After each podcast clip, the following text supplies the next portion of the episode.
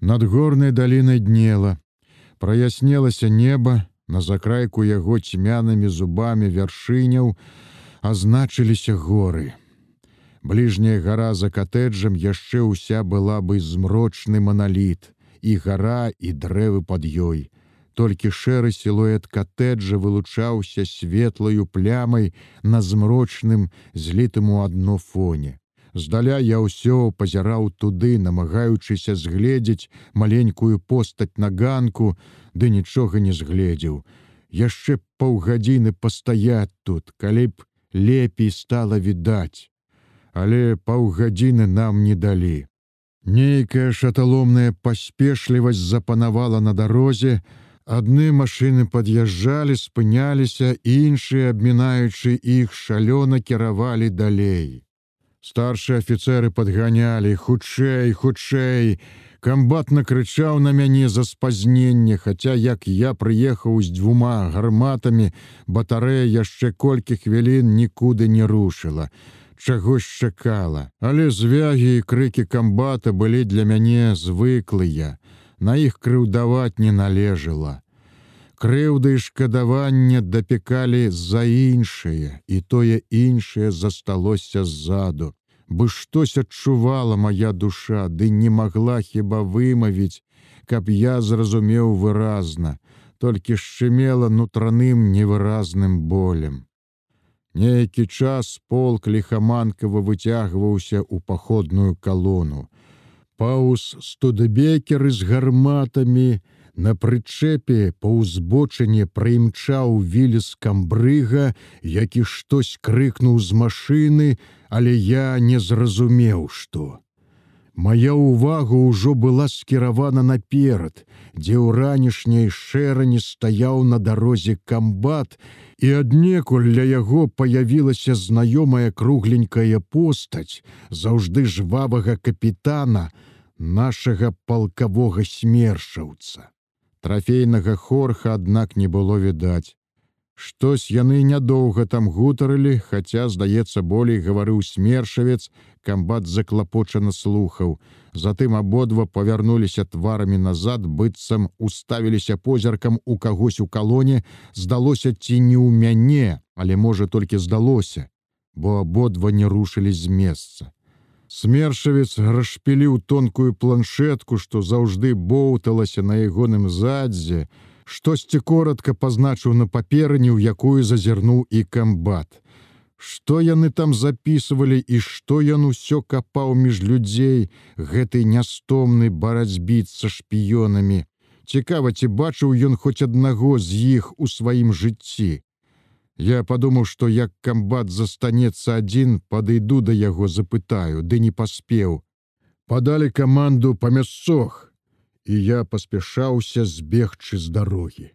Нарэшце неяк неўпэўнена з прыпынкамі рушылі разбітую вуліцу гарадка ў бок недалёкай перадавой. Пакуль я выглядваў смершаўца ў кабіну майго студара у лес пасажыр, наш палкавы прапагандыст, Маёр з мудрагелістым прозвішчам, якога я не мог запомніць. Я змушаны быў прыткнуцца на пляскатым крыле ля фары, як нярэдка ездзіў на перадавой. Цёплую парою тут было не горш, чым у кабіне, ды і зручней было пры нечаканым абстрэлі саскочыць на зямлю. Належала толькі трымацца.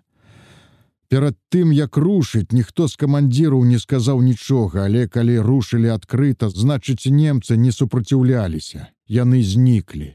За дашчэнту разбітымі дамамі ўскраіны пераехалі лінію акопаў нашай пяхоты, якой ужо там не было, затым і нямецкую лінію. Нямецкія копы выглядалі як пры паспешлівым адступленні. Скрозь валяліся вайскавое майно, зброя, скрынькі, боепрыпасаў.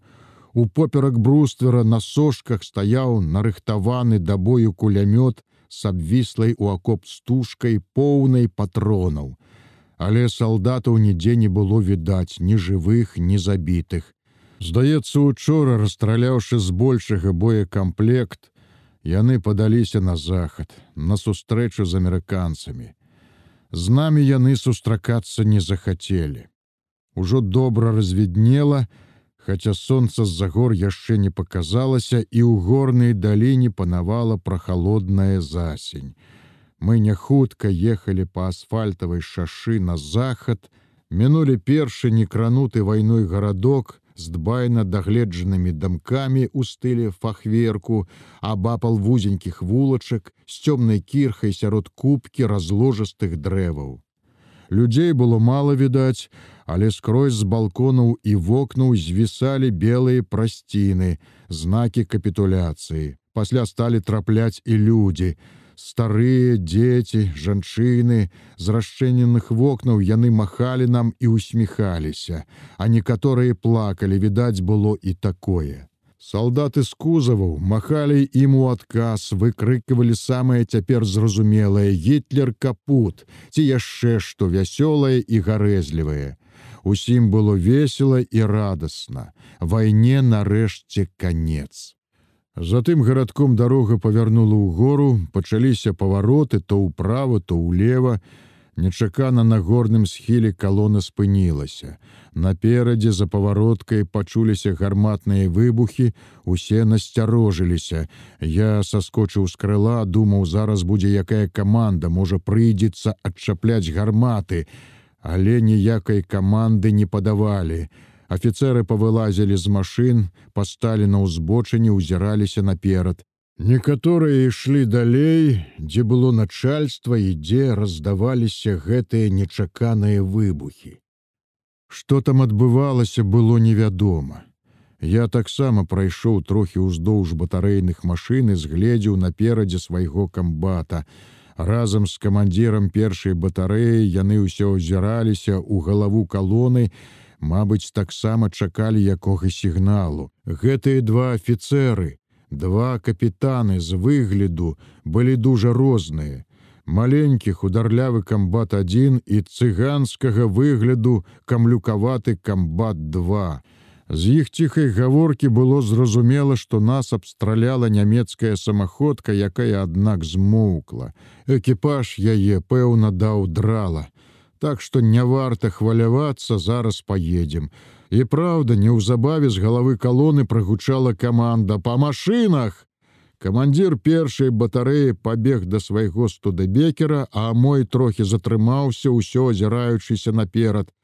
Капітан, хочу запытацца, што павярнуў да мяне незадаволены твар камбат.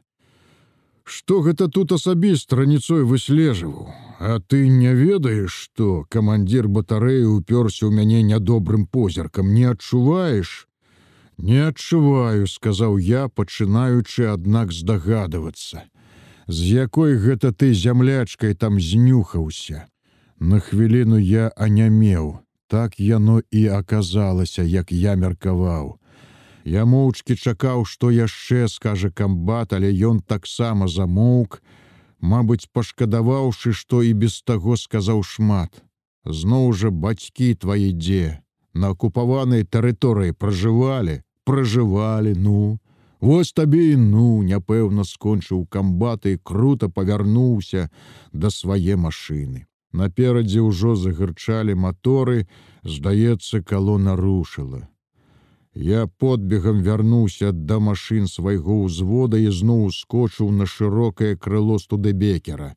Вось табе радасць, называется сустрэў зямлячку, ды яшчэ і бацькі на акупаванай тэрыторыі, Але дзе тыя бацькі, што я пра іх ведаў, думаў, прыеду пасля вайны буду шукаць. Нехта ж павінен ведаць, як і дзе яны прапалі летась падушачай.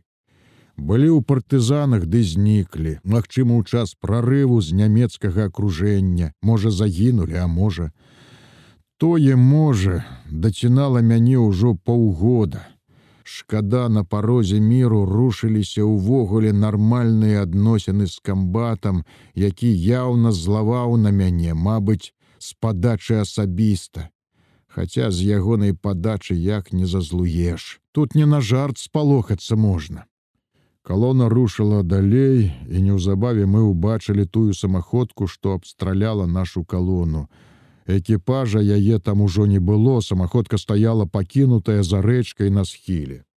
Зрэшты, шкоды яна нам не ўчыніла, А на другім павароце под абрывам ляжала ў рэчцы наша перакуленая 34 і горны поток булькатаў ля яе гарматнае вежы. Здаецца, там засталіся і танкісты. Відаць, надта паспяшаліся да перамогі.